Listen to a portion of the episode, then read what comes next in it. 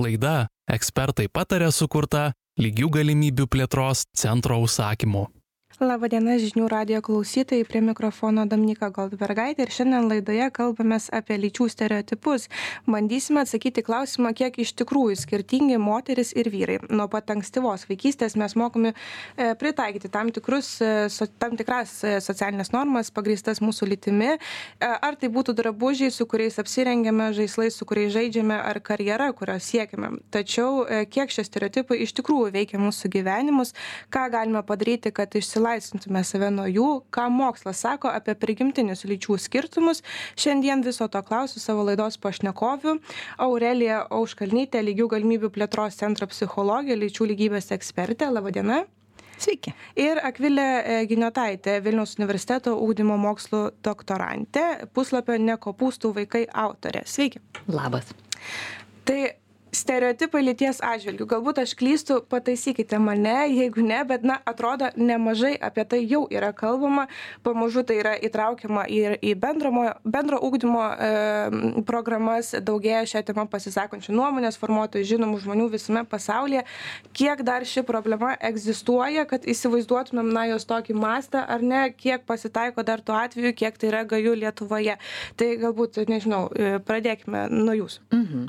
taip tai aš aš čia atsakydama į tą klausimą turbūt labiausiai norėčiau akcentuoti jog ši tema neturi baigtinio taško. Mes negalime pasiekti visuomenės niekur pasaulyje kur mes nebeturėtume su lytimi susijusių stereotipų ar su kitomis žmogų apibrėžiančiomis kategorijomis. Tikslas yra ne kažkaip pagaminti utopinę visuomenę kur nebėra stereotipų bet suprasti kad jie yra nes žmogaus smegenys taip veikia. Mums reikia patogių kategorijų kurios viską supaprastina ir ir mums taip lengviau naviguoti besikei greitai besikeičiančiame pasaulyje.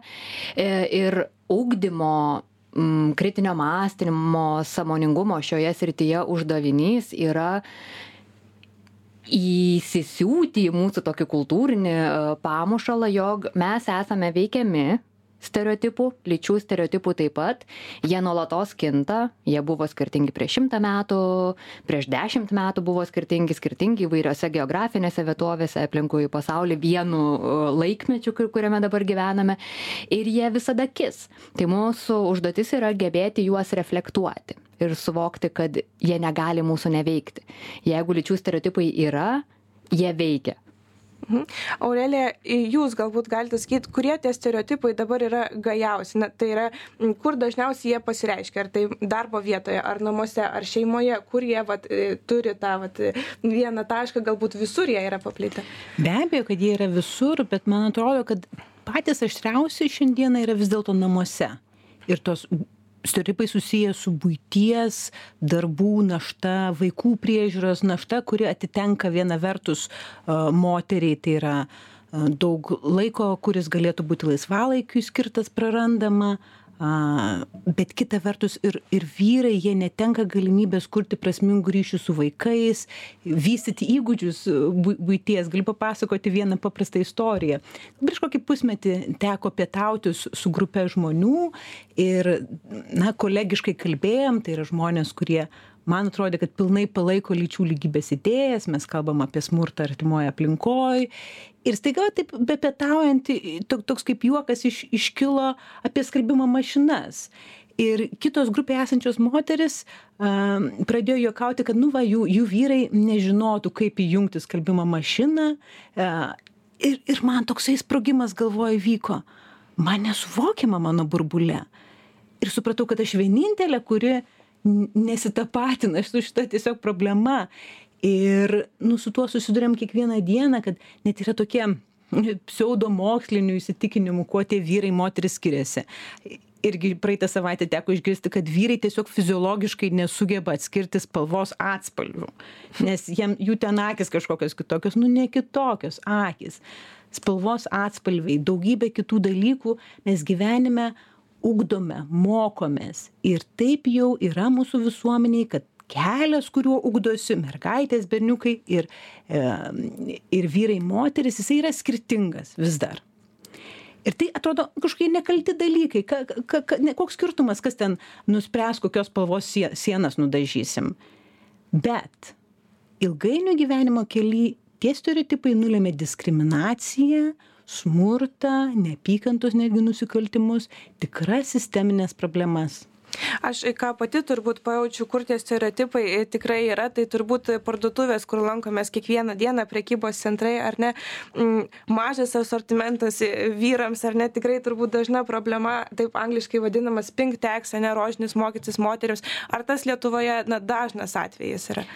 Taip, taip, taip, taip, taip. Mes uh, turbūt tik po truputėlį galbūt kelių per kelis ateinančius metus aš čia tokią prielaidą savo asmeninę visiškai sakau jog turbūt pradėsim pastebėti jog atsiranda grįžinėjimai į tokį labiau unisex marketingo rinkodaros gyvenimą. Šiuo metu tikrai labai yra dažna ir ypatingai į vaikų sektorių žiūrint tai yra net iki iškreipto lygio kuomet žaislai ar ne yra skirstomi į mergaitiškus berniukus ir berniukiškus, kur lėlė ar koks dviratis netgi gali būti uh, pas, suskirstomi mm, pagal lytį ir, ir, ir mm, koks čia tas yra ta didžioji nuodėmė, kas čia to blogo nutinka, nes kartais atrodo, nu tai tik žaislai, ar tik spalva, ar tik jausmo, emocijos, ar nepriskirimas, delegavimas kažkuriai lyčiai. Tai uh, vaikai, e, jauni žmonės, jie nori būti gerai žmonėmis, jie nori atlikti tinkamai savo rolę, savo vaidmenį. Ir jeigu jie galvoja, kad, na, žino, kad aš esu berniukas arba mergaitė, tai jie nereflektuodami, jeigu mes suaugę nepadedame jiems ugdytis kritinio mąstymo ir tos refleksijos, kaip čia ta visuomenė konstruojama, kas tie stereotipai yra, nes jie, na, negeba patys imti ir pradėti kvestionuoti. Dauguma vaikų negeba, žinoma, visada visur yra e, tendencijos ir išimtis ir jų santykis. Tai, tai vaikai, e, žinoma, sąmoningai neklausia tų klausimų, bet jų galvoje, na, veikia tie klausimai, ko iš mano lyties tikimasi, ko aš turėčiau norėti, ko aš, su kuo aš turėčiau norėti žaisti, kas man turėtų patikti, kaip aš turėčiau leisti aktyvų laisvalaikį, už ką man sako komplimentus, kada mane giria, kada mane smerkia, kada aš sulaukiu pajokos ir vaikai labai labai aktyviai užsiiminėja tą vadinamąją autocenzūrą. Pavyzdžiui, yra nemažai tyrimų atlikta, kaip vaikai žaidžia su žaislais. Yra kambarys kupinas įvairiausių žaislų ir vaikas filmuojamas vienas pats arba viena pati mm, jame ir kaip žaidžia, tai vaikai, kurie vieni, yra, e, vieni patys yra kambaryje, renkasi kur kas įvairesnius, ne vien savo lyčiai stereotipiškai priskiriamus žaislus, o o jeigu žaidžia su kitais vaikais tame pačiame kambaryje tuomet yra didesnė tikimybė kur kas didesnė tikimybė jog rinksis savo lyčiai priskiriamus e, žaislus ir ir kažką aurelija nori mhm. paminėti. Tai aš čia gal dar a, pabaigsiu m, jog tie žaislai juk turi lavinamąją funkciją. Ko mes mokome lėlėmis mes mokome socialinių įgūdžių interakcijos bendravimo empatijos užuojautos rūpesčio savybių ką mes siejame ar ne su moteriškumu ir moterų vaidmenimis, o kokie konstruktoriai, aktyvūs žaislai mes siejame labiau su berniukiškais žaislais ir kažkokiu parduotuvių tinklaraščiuose mes rasime juos ten priskirtus. Ir jie ugdo mm, erdvinį mąstymą, inžinerinį mąstymą, tiesiog fiziologinį pajėgumą vaikai atė, dar iki brendimo berniukai ir mergaitės fiziškai nesiskiria jie turi vienodą gebėjimą bėgti, būti stiprus, prasidėjus hormonų veiklai, tai jau pradeda išriškėti tas vidutinis lyčių, na, raumenų masės skirtumas ir taip toliau. Tai iki brendimo jau berniukai įgyja pranašumą, nes jie yra skatinami užsiimti fizinę veiklą ir mergaitės e, nėra skatinamas. Matau, Aurelija nori papildyti, aš dar papildomą klausimą tame užduosiu, tai ar galima teikti, kad ta tėvų auklėjimo įtaka stereotipų formavimusi na, tikrai yra svarbi? Taip ir ir e, labai gražiai akvilė pradėjo tą pavyzdį apie lėles ar ar kitus žaislus ir kai kaip tai paveikia vaikų gyvenimą. Ir tai kas skatina naudoti vaikų stereotipiškus žaislus yra ir tėvai ir mokyklos ir visuomenės aplinka ir filmukai čia čia daug daug daug įtakų. Bet dabar žiūrėkim kas atsitinka toliau gyvenime jeigu berniukai skatinami nežaisti su lėlėm, nu nevyriška, sako, nu, tu geriau gal tu su tais konstruktoriais burks. Tai vaikystėje vienas poveikis, kurį kalbėjo Akvilė, kas yra vėliau, mes turim situaciją, kai trūksta mokytojų, kai trūksta slaugytojų, tai visos tos profesijos, kurios susijusios su rūpinimusi kitais, visos tos profesijos, kurios turi mažus atlyginimus ir kažkaip tais ten tik tais moteris, kaip taip atsitiko? Ar negalėjo ten e, kai kurie berniukai ugdyti gebėjimus rūpesčio, rinkti šitas profesijas, galbūt visai kitokią situaciją turėtumėm. Tai čia toksai kaip pavyzdys, kaip, kaip ta problema auga, auga, auga su metam, metams bėgant. Dar vienas labai svarbus aspektas. Mes, kai kalbam apie lyčių stereotipus ir kaip jie paveikia vaikus, mes įsivaizduojam tokius labai stereotipinius vaikus tokius nu, kažkoks normalumo įsikūnymus. Tai vaikai yra skirtingi, vaikai yra įvairūs, vaikai turi įvairių negalių, vaikai yra skirtingose neuroįvairovės ar nesavybės turintis. Ir kai mes tą patį šabloną dedam ant visų, jisai gali specifiškai žalingai paveikti skirtingus vaikus. Jeigu, tarkim, sakau, kad vyrai turi būti visi stiprus, pajėgus, bet šalia manęs um, yra uh, berniukas, kuris juda vežimėliu. Kaip jisai girdi tą stereotipą, koks jam yra poveikis. Arba kai sakau, kad mergaitės turi ten visus namus apskalbti ir pasirūpinti visais namiškiais, o, o, o mergaitė jinai negali to padaryti, nes, pavyzdžiui, turi cerebrinį paralyžių. Kaip tai veikia? Tai irgi labai svarbus klausimai dažnai užmirštami lyčių lygybės temai. Taip, taip, pritariu. Tai aš tuomet e, apibendrinant tai, ką jūs pasakėt, tai e, tie lyčių e, stereotipai, ar ne, kad moteris žymiai daugiau laiko skiria namų ruošę, ne, vyrų polinkis technikai, tai visgi tai turi biologiškai kažkiek įtakos tam, ar visgi tai yra kultūra ir na, mūsų tie suformuoti stereotipai?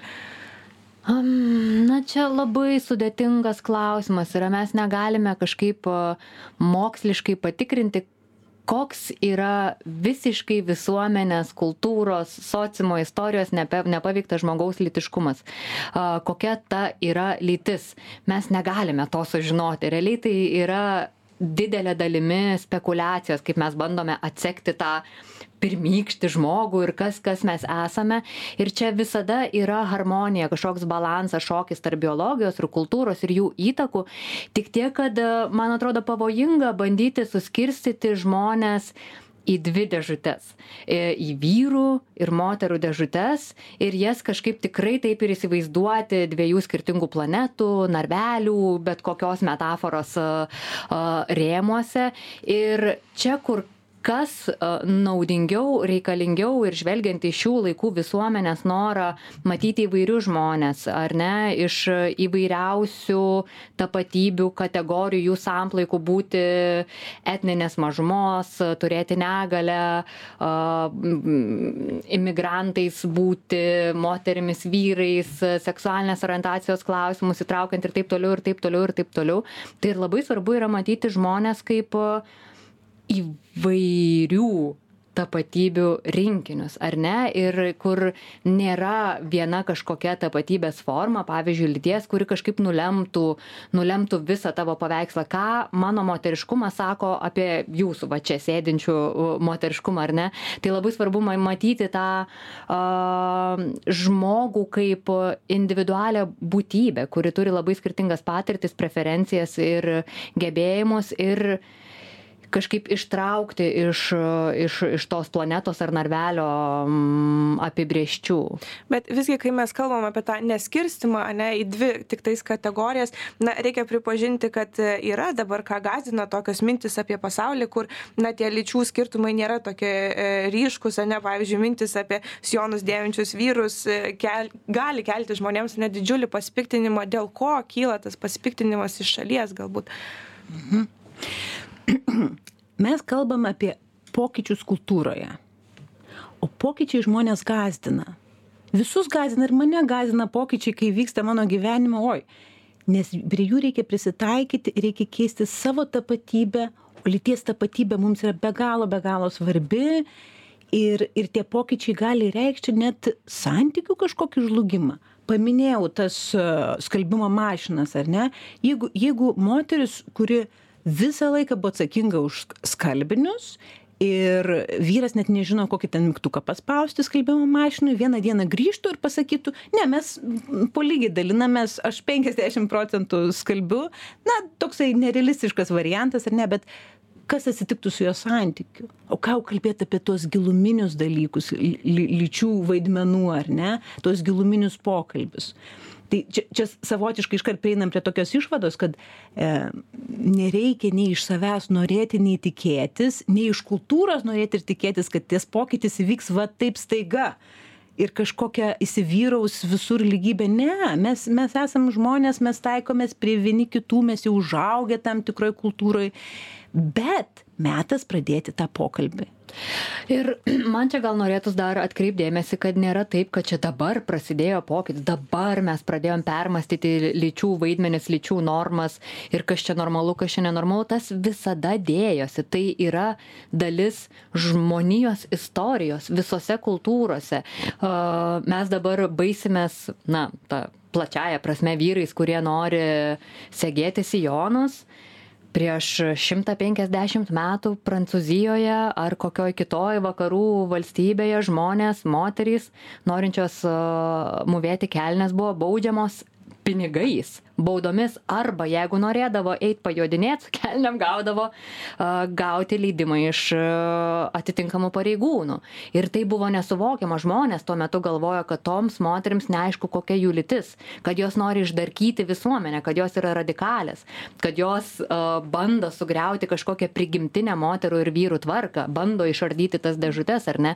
Tai čia lygiai tie patys procesai, tik tiek, kad mūsų ta ir kultūrinė atmintis, jinai tikrai nėra pati geriausia. Mes labai labai greitai pamirštam mes esam pamiršę kad kinder siurprizai a, prieš gerus penkiolika metų buvo uniseksai ar ne? O dabar jie rožiniai ir mėlyni ir yra nesuvokiama. Mes jau to nebeatsimename na mūsų laikas senka tai aš pabandysiu dar e, vieną temą paliesti kaip na galbūt atsikratyti tų stereotipų kaip juos sumažinti visuomenėje jų tą kiekį ir bent jau kad nebūtų ane parduotuvėje tų tokių labai akivaizdžių pavyzdžių Aš manau, kad mes tiesiog turim reflektuoti, kokiai pozicijoje bebūtumėm.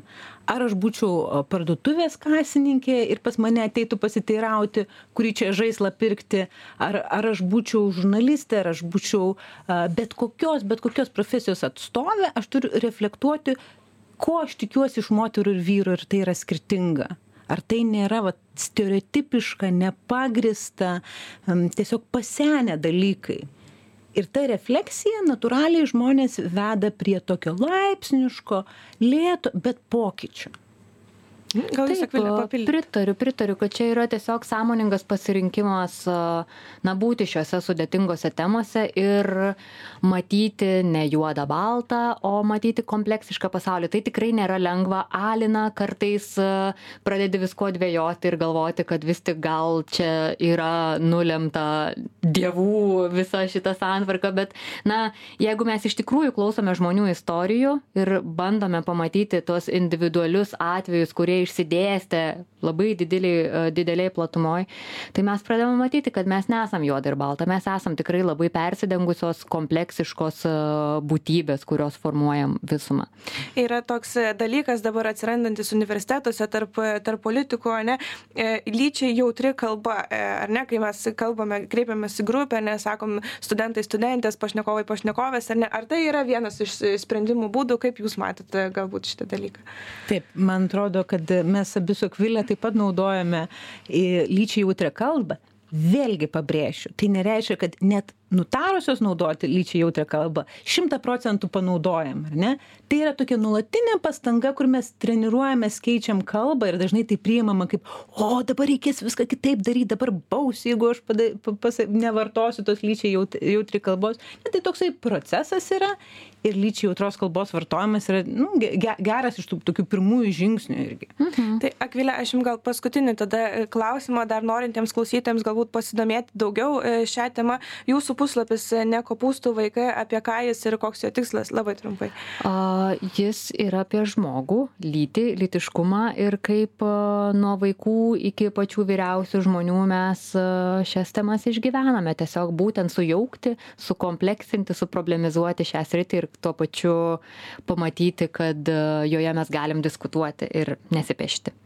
Na ką, tai man tuomet e, belieka labai Jums padėkoti už šiandienos pokalbį, už atnešimą e, svarbios temos e, į mūsų studiją. Na, o žinių radio klausytams primenu, kad laidoje kalbėjo Aurelija Auškalnytė, lygių galimybių plėtros centro psichologija, lyčių lygybės ekspertė ir Akvilė Giniotaitė, Vilnius universiteto ūkdymo mokslų doktorantė, puslapio Nekopūstų vaikai autorė. Prie mikrofono buvo Damnika Goldbergaitė. Likite prisijungę, gražios dienos.